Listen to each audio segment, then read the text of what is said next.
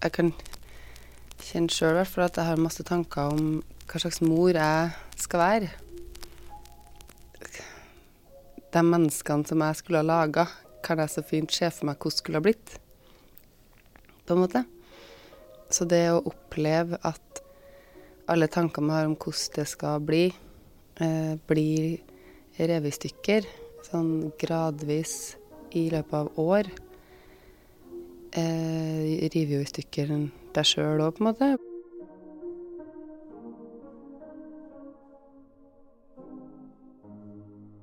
Stemmen tilhører Julie Mo Sande, en av skuespillerne som er med og setter opp skuespillet Tungtids tale for Riksteatret.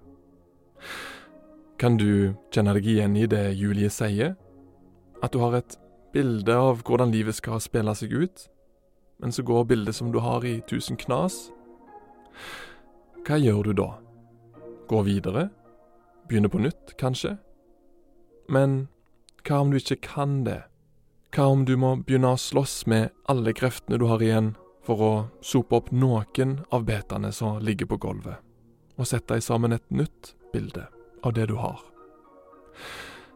Eller som instruktør Marit Moum Aune sier det. Hva handler dette stykket djupest sett om? Det handler om å komme seg ut av maktesløsheten. Mm. Tror jeg. Vi skal være med bak settet, hvor Riksteatret setter opp et flunkende nytt skuespill, Tungtidstale, basert på forfatter Olaug Nilsens bok med samme navn, som vant Brageprisen i 2017.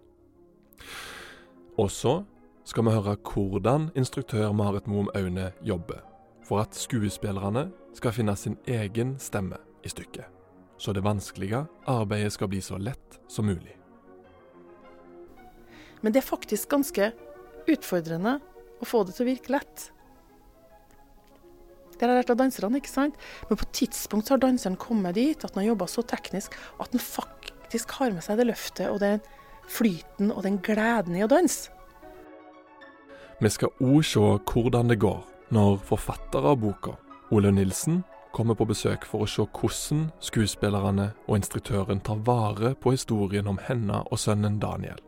En historie som det satt langt inne å skrive. Ja, hvis du bare lukker øynene og så går tilbake til salen og mørket som senker seg.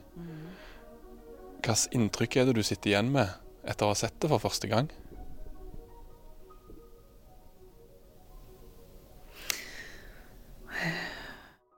Og så skal vi jakte på historien om oss sjøl, og den som venter på oss der ute.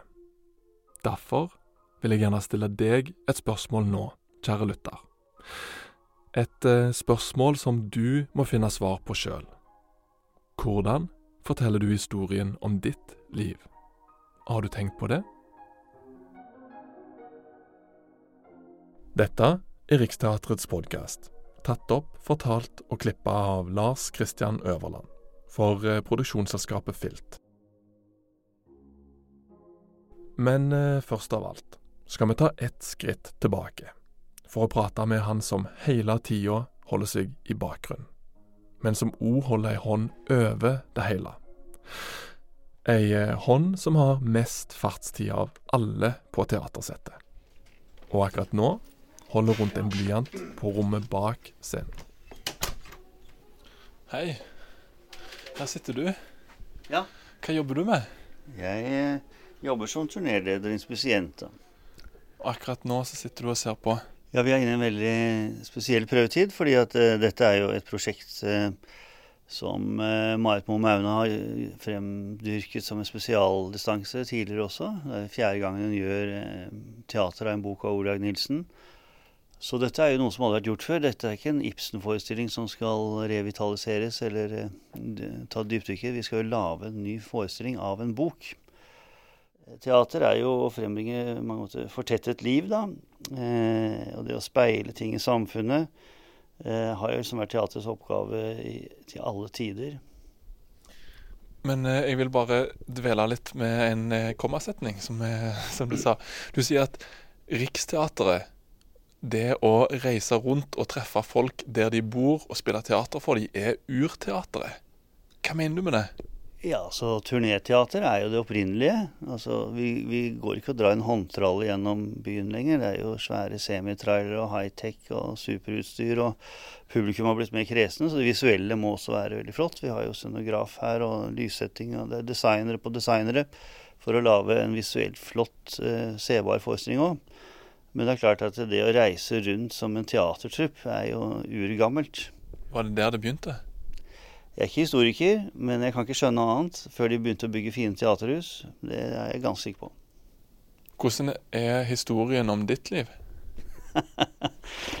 ja, eh, det er en bra overgang fra det du spurte om først. Overgangen kan kanskje virke litt brå, men egentlig er han ikke det. For eh, det finnes en klar og tydelig sammenheng mellom Ole sitt liv og teateret. For eh, teater er historiefortelling, og historiefortelling er den eneste måten vi har for å forstå hverandre på med mening.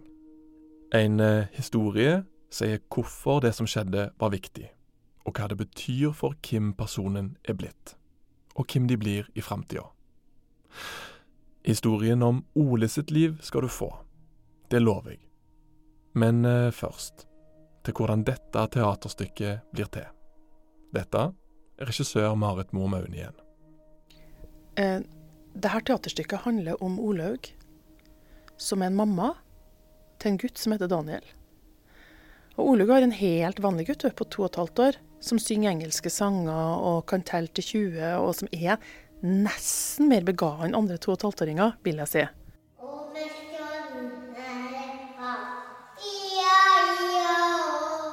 Opptaket er gjort av Olaug når Daniel var to og et halvt år, like før det begynte å skje ting.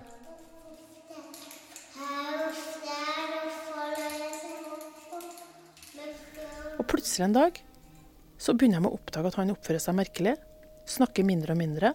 Skjønner mindre og mindre. Og, sakte, men sikkert nesten uten at de innrømmer det sjøl, og det, det handler det veldig mye om den innsikten, da, så blir han en gutt som i dag er 10-11 år og autistisk og går på spesialskole og kommuniserer veldig vanskelig med folk. Mm. Barnetro.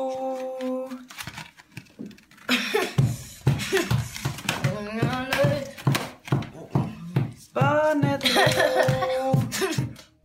Seks år seinere kan Daniel nesten ikke synge lenger.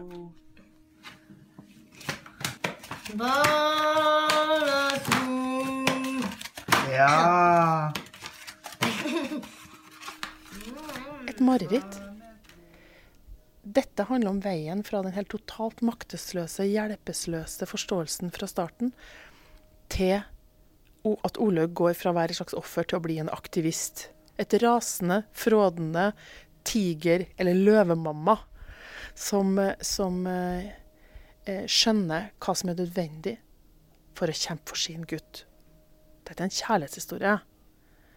Men en kjærlighetshistorie med så mye smerte, i og med at også denne diagnosen gjør at han er voldelig, f.eks. Som stiller på de verste spørsmålene en som mor kan ha, eller en far for den saks skyld. Kan ungen bo hjemme? Og hvordan kan jeg leve med at den lille gutten jeg en gang hadde, er borte? Hi, ha, ho, hi, ha, ho, hi, ha, ho, hi, ha, ho, hi, ha, ho, hi, ha, ho. Ifølge instruktøren er det historien som skal ut av boka og fram på scenen. For å gjøre det har Marit valgt fire skuespillere. Lyden du hører i bakgrunnen, er de fire som varmer opp for dagen sammen med Marit. For eh, det begynner å bli kort tid til premiere på Riksteatret. Og eh, snart kommer forfatter og mor Olaug på besøk for å se hvordan de har gjort teater av historien hennes. Marit jobber tett sammen med skuespillerne sine, og legger gjerne bort sine egne ideer om de har sine tanker. Da jeg begynte som instruktør på 80-tallet, så var det veldig sånn Man var veldig opptatt av at man skulle gjøre jobben sin. Og Derfor så begynte masse instruktører å ikke slippe til skuespillerne, for da gjorde man liksom ikke jobben sin. Så du må kvitte deg med litt stolthet òg, hvis du skal innlemme skuespillerne i det skapende for å finne f.eks. at de kanskje mener noe annet enn deg sjøl. Og det trua veldig autoriteten i gamle dager. Autoritet er jo litt oppskrytt. I hvert fall autoritær er litt oppskrytt. Men eh, selv om Marit lar skuespillerne være med og regissere, er det én ting hun ikke slipper kontrollen over. Oppvarminga. Når alle kommer sammen om morgenen, får kontakt og ser hverandre i øynene for å begynne samarbeidet.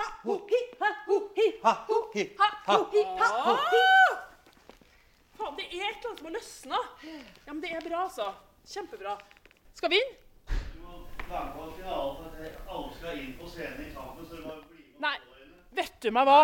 Vi forteller Nei, nei, nei. Vi har, vi har premiere om en uke. Vi er nødt til å gjøre ferdig dette her.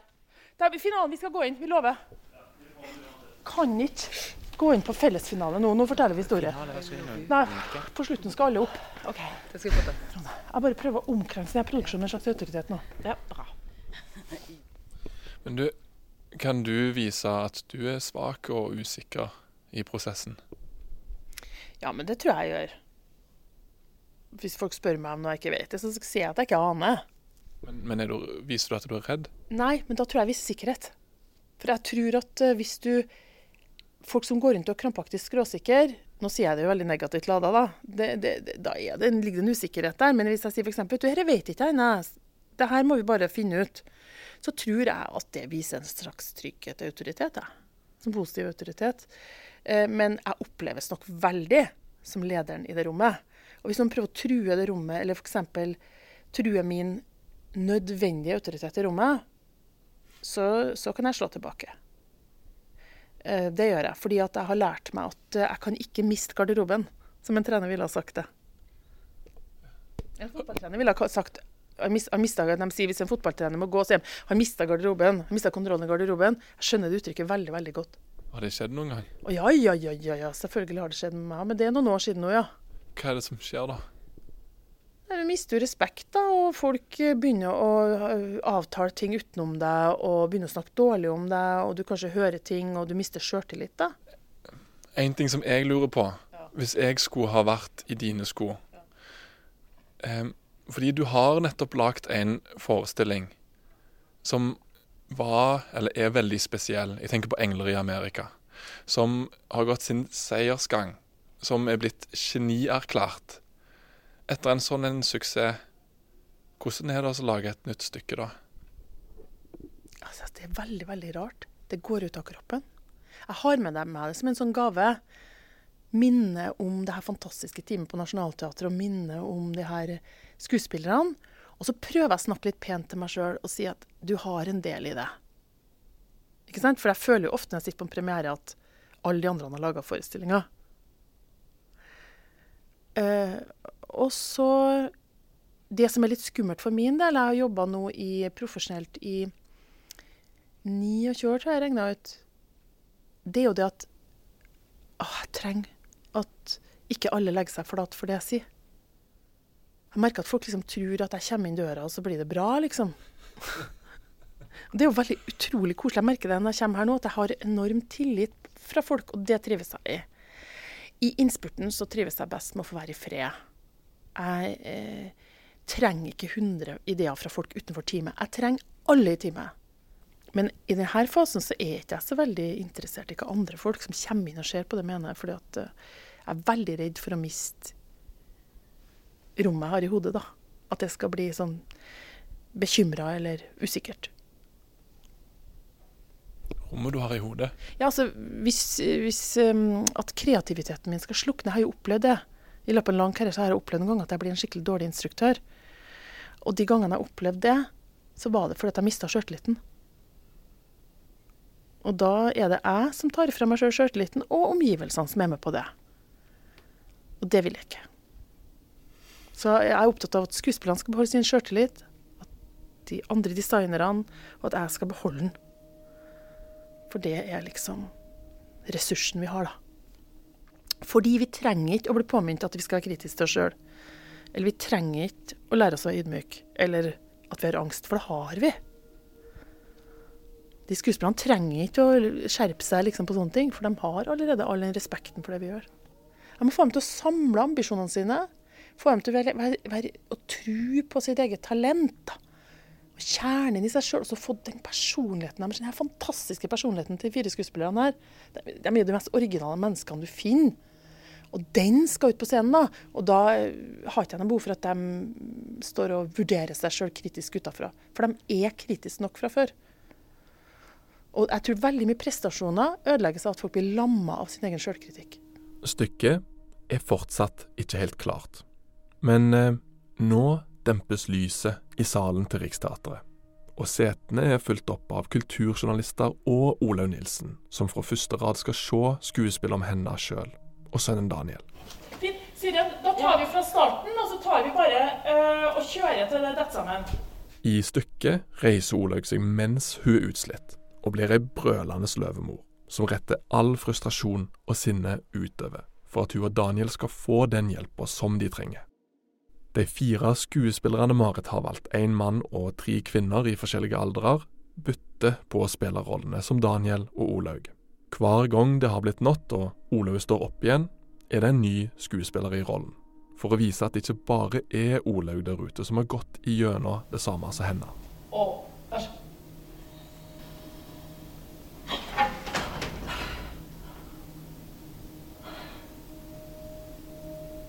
Er det morgen?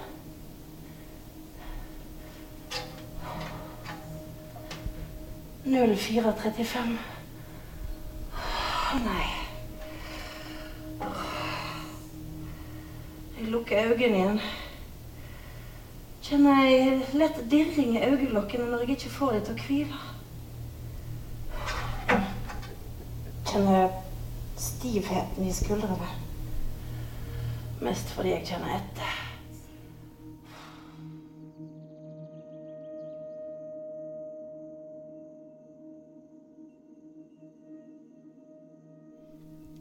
Olaug Nilsen har jo noe veldig sånn tragikomisk over seg.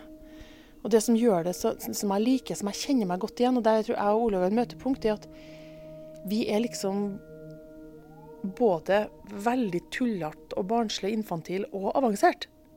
Det er jo, jeg opplever at sånn er jo mennesket, da. Og det er mennesket som sier at jeg har ingen sånne lekne, tabubelagte, primitive sider. Jeg de bløffer jo. Det er de mest komiske menneskene. For dette har vi jo i oss. Olaug Nilsen er helt åpen med de tingene her. Hun innrømmer i alt hun skriver at mennesket er primitivt og avansert. Natur, sivilisasjon. Alt der har hun i alt det hun gjør. Det kjenner jeg meg kjempegodt igjen i.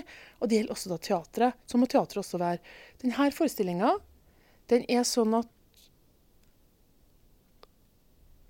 Det er liksom litt sånn tullete, litt sånn useriøst, nesten sånn. Og så plutselig så stuper den i alvoret. Og det her er jo noe vi har lært av de store dramatikerne. Shakespeare. Han starter jo nesten alle stykkene sine med en komediescene. Ikke sant? Hamlet de står på, på gravens rand, og det er både morsomt og helt tragisk. Og tragikomisk. Og, og, han har skikkelser I alle tragediene sine så har han skikkelser som får oss til å flire. Sånn at du åpner døra inn til alvoret. Ibsen gjør det samme, Tsjekhov gjør det samme. Alle store dramatikerne gjør det her. Det er for at de har skjønt noe. Det prøver vi da. Vi har det som litt sånn, det har jeg liksom som en slags, greie med mye av det jeg gjør, da.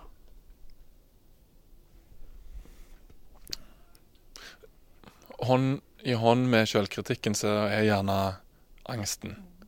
Den er alltid til stede i en kreativ prosess. For en kreativ prosess trenger ikke alltid å gå bra. Sant vel? Men på hvilken måte er angsten en, en, positiv driver, da? Når, når, du gjør noe kreativt sånn som nå? Det får deg jo til å skjerpe deg, men jeg, jeg tror at det er lurt å tenke at den monsterbakken ikke er så lang. Eller at isen Isen er tynn, men vi springer som faen. Liksom. Det har jeg trua på.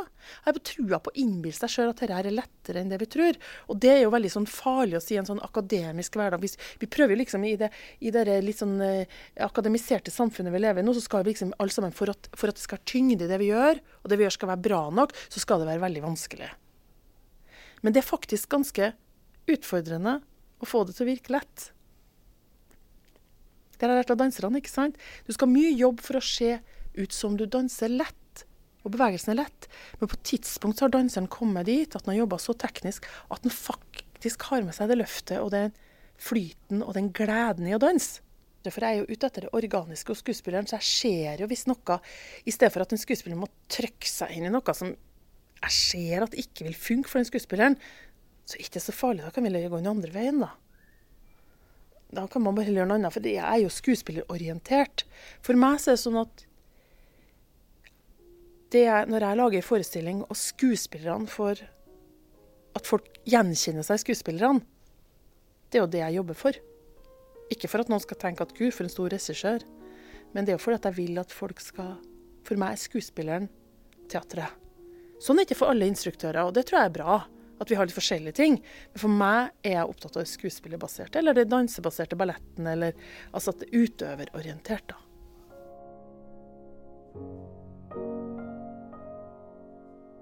Men blir det rett å kalle det moderne realisme? Ja, det er ganske artig. Tenk det, for det er jo en slags grusom dokumentarisk realisme over det her. Eh, og da har jeg valgt, og det kunne, her kunne vært satt opp på alle mulige måter, men jeg har da valgt å gjøre det til en veldig fysisk forestilling, fordi at det beskriver så veldig mye smerte. Fysisk smerte. Olaug Nilsen er opptatt av hvor sliten man er, hvor vondt er kroppen, hvor kvalmende det er. Hvor, at man nesten svimer av. At man, hun beskriver veldig mye hvordan en sorg, sjokk- og sorgfase som de her folkene her er i, også er fysisk. da. Og det velger vi å vise på scenen, da. Så jeg har jo tatt med meg fire skuespillere som er veldig fysisk og glad i å være det. og jeg tenker at hvis, hvis, noe skal bli bra, eller hvis noe skal treffe deg, så må det være helt i grensa mot det latterlige. Du må ligge liksom rett under latterlig hele tida. Og derfor må du være veldig mye latterlig på prøve. Det må være for mye, det må være for sentimentalt, det må være for overfladisk, det må være for dødsalvorlig. Helt over grensa. Så kjenner du Å ja, her var det latterlig, ja. Og så legger du deg akkurat rett under der. Der under fins det noe veldig fint, da. Har du fått tenkt på hvordan historien om ditt liv ser ut? Ville du fortalt det tragiske med humor? Er det historien om helten som legger ut på en reise, eller en fremmed som kommer til en ny by? Marit vil ikke sette en merkelapp på stykket sitt. Men eh, hør bare på denne scenen, hvor Olaug, i møte med spesialistene som skal sette en diagnose på Daniel, ennå ikke har innrømt overfor seg sjøl at gutten hennes har forsvunnet inn i autisme. Kan du høre hva Marit vil fram til her? Er det et vanlig barn innerst inne, eller er det innerst inne han ikke er vanlig? Tror du at jeg er dum? Ja, og den må gå rett til hun, og så må du si til oss 'Jeg sa ikke det'. Jeg sa ikke det. Ja, ikke sant? Så du roper til hun, og så sier du 'ja'. Mm, ikke til psykolog. For, vet dere hva jeg opplever nå? Jeg vet ikke om dere, Nå opplever jeg at det, vi, det, vi løser det nå. Ja, det For nå er det mye bedre, nå er det mye tydeligere hva dere gjør, og det er også mye friere for dere fysisk. Visste jeg innerst inne? Nei, jeg gjorde ikke det. Innerst inne Hva er det? Er han et vanlig barn innerst inne, eller er det innerst inne han ikke er vanlig? Du at jeg er helt dum, de Gurpe! Jeg sa ikke det. Jeg tenkte det.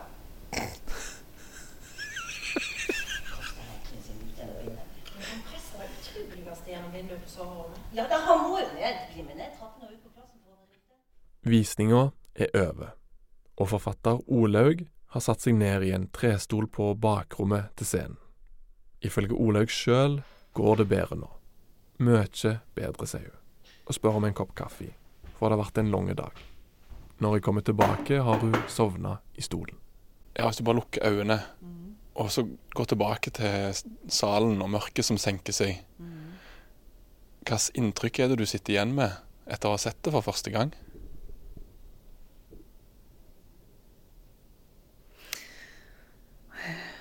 Altså det jeg først og fremst tenker, er at de har forstått hva de skal gjøre. Men det er faktisk det, altså. Eh, de har forstått boka, og de klarer å, å gi det videre. Det er det jeg tenker. Jeg, jeg grein. Jeg gjorde det. Boka, som nå er kommet fram på scenen, trykker altså på nervene til forfatteren sjøl. Og apropos det. Teaterstykket og boka løfter fram noen følelser som mange har kjent på, men som få tør å si høyt. Når en blir pressa til det ytterste, er så sliten, sint og frustrert at en kjenner på sin egen voldelighet. Hva er det som har vært vanskeligst å skrive om? Eh, det vanskeligste å skrive om har jo vært de vanskelige, altså de, de vanskelige følelsene. da. Altså det å bli sint, begynne å fundere på sin egen eh, voldelighet. Um, ja, det har vært vanskeligst. Vanskeligst å nærme seg, vanskelig å gjennomføre. Eh, og eh, Men òg mest befriende, faktisk. Og veldig mange forfattere nekter jo for at skriving er terapeutisk, og det kan godt hende at det gjelder i andre tilfeller. Men for meg, dette var terapeutisk, altså. Skrive det ned, og jeg var nødt til å forholde meg til det. Veldig bra ting å gjøre. Altså, og det er et stort tabu. Er det mulig for deg å fortelle en historie som tar oss inn i, i situasjonen hvor, hvor du kjenner på det?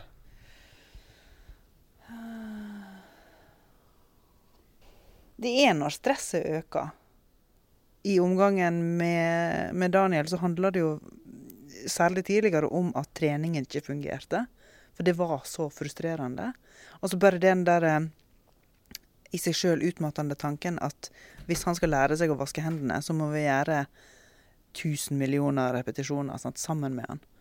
For han klarer ikke å automatisere det hvis ikke han får det repetert og repetert og repetert og repetert. og repetert og repetert. Og nå, jeg, jeg, altså, nå sier jeg det så mange ganger fordi at det skal bli irriterende. For det er frustrerende og irriterende. Eh, og så er det jo selvfølgelig òg å bli slått sjøl, å bli bitt. Eh, og få store hender langt inn i munnen. Jeg har følt meg så maktesløs. Helt egen, min egen Altså, jeg har ikke kunnet kontrollere denne situasjonen. Jeg har ikke kunnet fikse det. Og det har gjort meg sint. Det er en naturlig reaksjon, altså et forsvar. Slå tilbake igjen. Men det å stagge seg Jeg kan det, han kan det ikke. Altså, og det er jo forskjellen. Eh, men det er jo det som gjør oss til en sivilisasjon, at vi klarer å eh, dempe aggressiviteten vår. Så vi må jo det. Vi må det. Å ta ansvar for sin egen aggresjon er det som gjør oss til et sivilisert samfunn. I Tungtids tale blir ikke Olaug møtt med forståelse når hun forteller om disse følelsene til psykologen. Men om mennesket blir pressa enda lengre og ikke får hjelp, hva skjer da? Går det an å se for seg at en blir omgitt av et så stort mørke at en mister seg sjøl?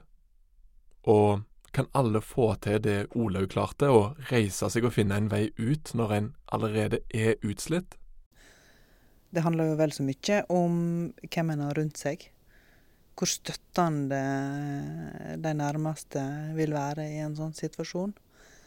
Eh, og jeg tror jo det at eh, altså selv om, selv om, både boka og stykket viser utfordringer i hjelpeapparatet, så er jo det samme hjelpeapparatet likevel en forutsetning for at det overhodet skal gå an å takle en sånn situasjon.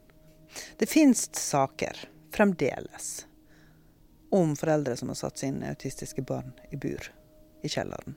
Og det er der de får lov å være. Og det er jo sånne saker som ofte blir delt i sånne grupper, eh, foreldregrupper til barn med funksjonshemming, og eh, også med masse fordømmende kommentarer ved siden av. Men jeg tenker at det går an å forstå det. Det går an å se for seg, for meg, at jeg kunne havne i en situasjon der det ville framstå som det eneste alternativet jeg hadde. Eh, noen eh, foreldre til funksjonshemma barn tar livet av ungene. Eh, ofte seg sjøl samtidig. Sannsynligvis fordi at det vil være for smertefullt å leve videre med en sånn handling. Sjøl om det nok blir oppfatta som barmhjertighetsdrap. Disse tinga skjer. Det er ikke et uh, tilbakelagt kapittel i vår verden. Det skjer. Um, så uh, Nei, jeg tror ikke alle har det i seg. Men det er ikke nødvendigvis uh, en, en moralsk brist av den grunn. Det er bare enda en understreking av det som jeg mener at vi må hjelpe hverandre. Vi trenger hjelp. De ordene her er det viktig å være forsiktig med. For Olaug har rett. Det skjer. I Norge har en òg hatt historier hvor fedre har tatt livet av familiene sine og så seg sjøl. På en måte helt uforståelige historier. Men eh, om jeg forstår Olaug rett, så handler dette om å bli pressa til punktet forbi moral og karakter, og inn i en hjelpeløshet hvor en ikke finner veien ut. Husker du det instruktør Marit sa tidligere? Plutselig stuper Olaug Nilsen ut i alvoret. Her er vi nå. Ifølge Marit, om vi ser til Ibsen, Shakespeare og Tsjekhov, er det nå tragedien skal avløses med det komiske. Men eh, det er ikke det som kommer, men et par sterke og varme armer som kommer inn døra når en trenger litt trøst. Det neste spørsmålet går til skuespiller Siren Jørgensen, som har spilt både Olaug og Daniel gjennom en lang dag på scenen. Hva er det du kjenner deg mest igjen i? Um, sorgen over hva som kunne ha vært, tror jeg. Det er så vakkert. Du meg til å grine òg. Vil du grine? Ja. Er du sliten? Nei, nei, nei, nei, nei, det var bare for jeg spurte hva, hva kjenner du deg mest igjen i? Og så sa jeg sorgen over hva som kunne ha vært. Da Ja, synes jeg det var trist. Ja, det er så jævlig. Ja, det er så jævlig.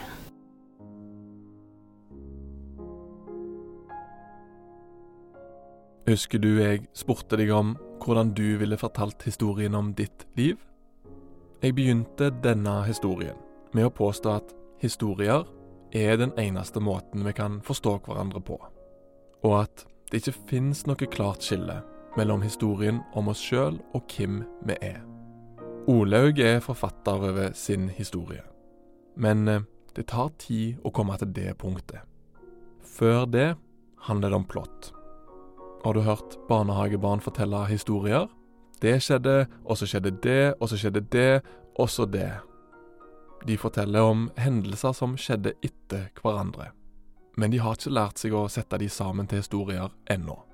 Så etter ganske korte tid blir det kjedelig å høre på. Og ofte får vi ikke med oss meninga. Men eh, selv om vi ikke mestrer å fortelle historien om oss sjøl når vi er små, så lærer vi oss sakte, men sikkert å spille roller. Med skoleeleven som venter på bussen med ryggsekken på. Sønner og døtre. Naboens baby som gråter gjennom natta. Først i tenåra begynner en å mestre og fortelle livshistorier som henger sammen og gir mening. Og etter hvert blir en forfatter over sin egen historie. Men eh, sjøl da fortsetter utviklinga gjennom hele livet. Ungdommer og unge voksne forteller livshistorier som handler om endring. De som har levd ei stund, forteller ofte historier om stabilitet, hvor de samme temaene går igjen gjennom hele historien. Husker du inspisient Nole, han med lengst fartstid av alle på settet som vi prata med i begynnelsen? Her er hans historie. Kan du høre hvilke tema som går igjen hos han? Ja, jeg syns ferge... Jo, jo, jeg hadde jo en gang eh, nesten blitt sjømann. Jeg fikk hyre på en båt, men det skar seg rett før pga. synet, og da Hvorfor gikk det ikke annerledes, da?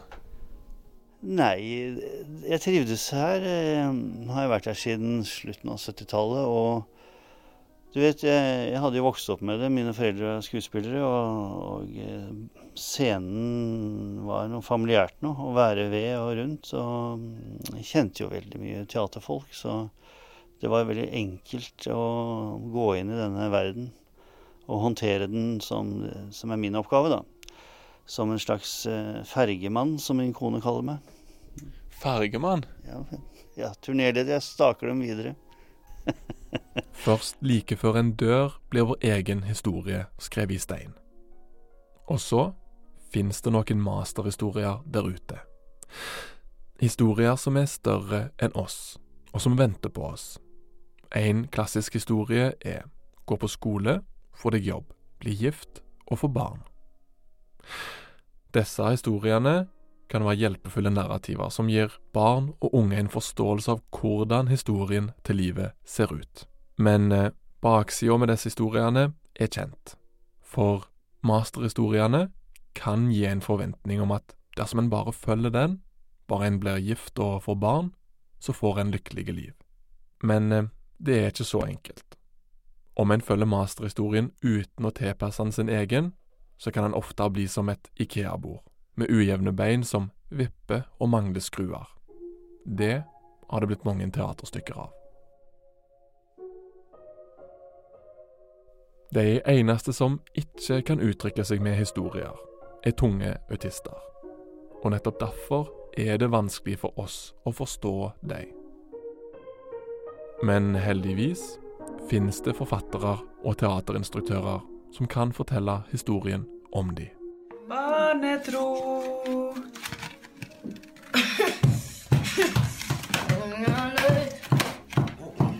Barnetro.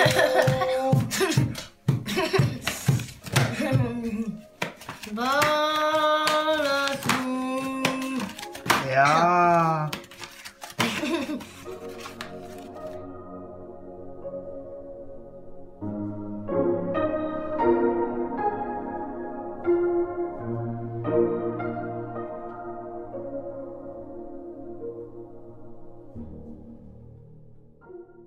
Du har lytta til Riksteatrets podkast, hvor vi har vært bak scenen under oppsetninga av stykket Tung tids basert på Olaug Nilsens bok med samme navn. Riksteatret er hele Norges teater, og spiller på 70 kulturhus over hele landet.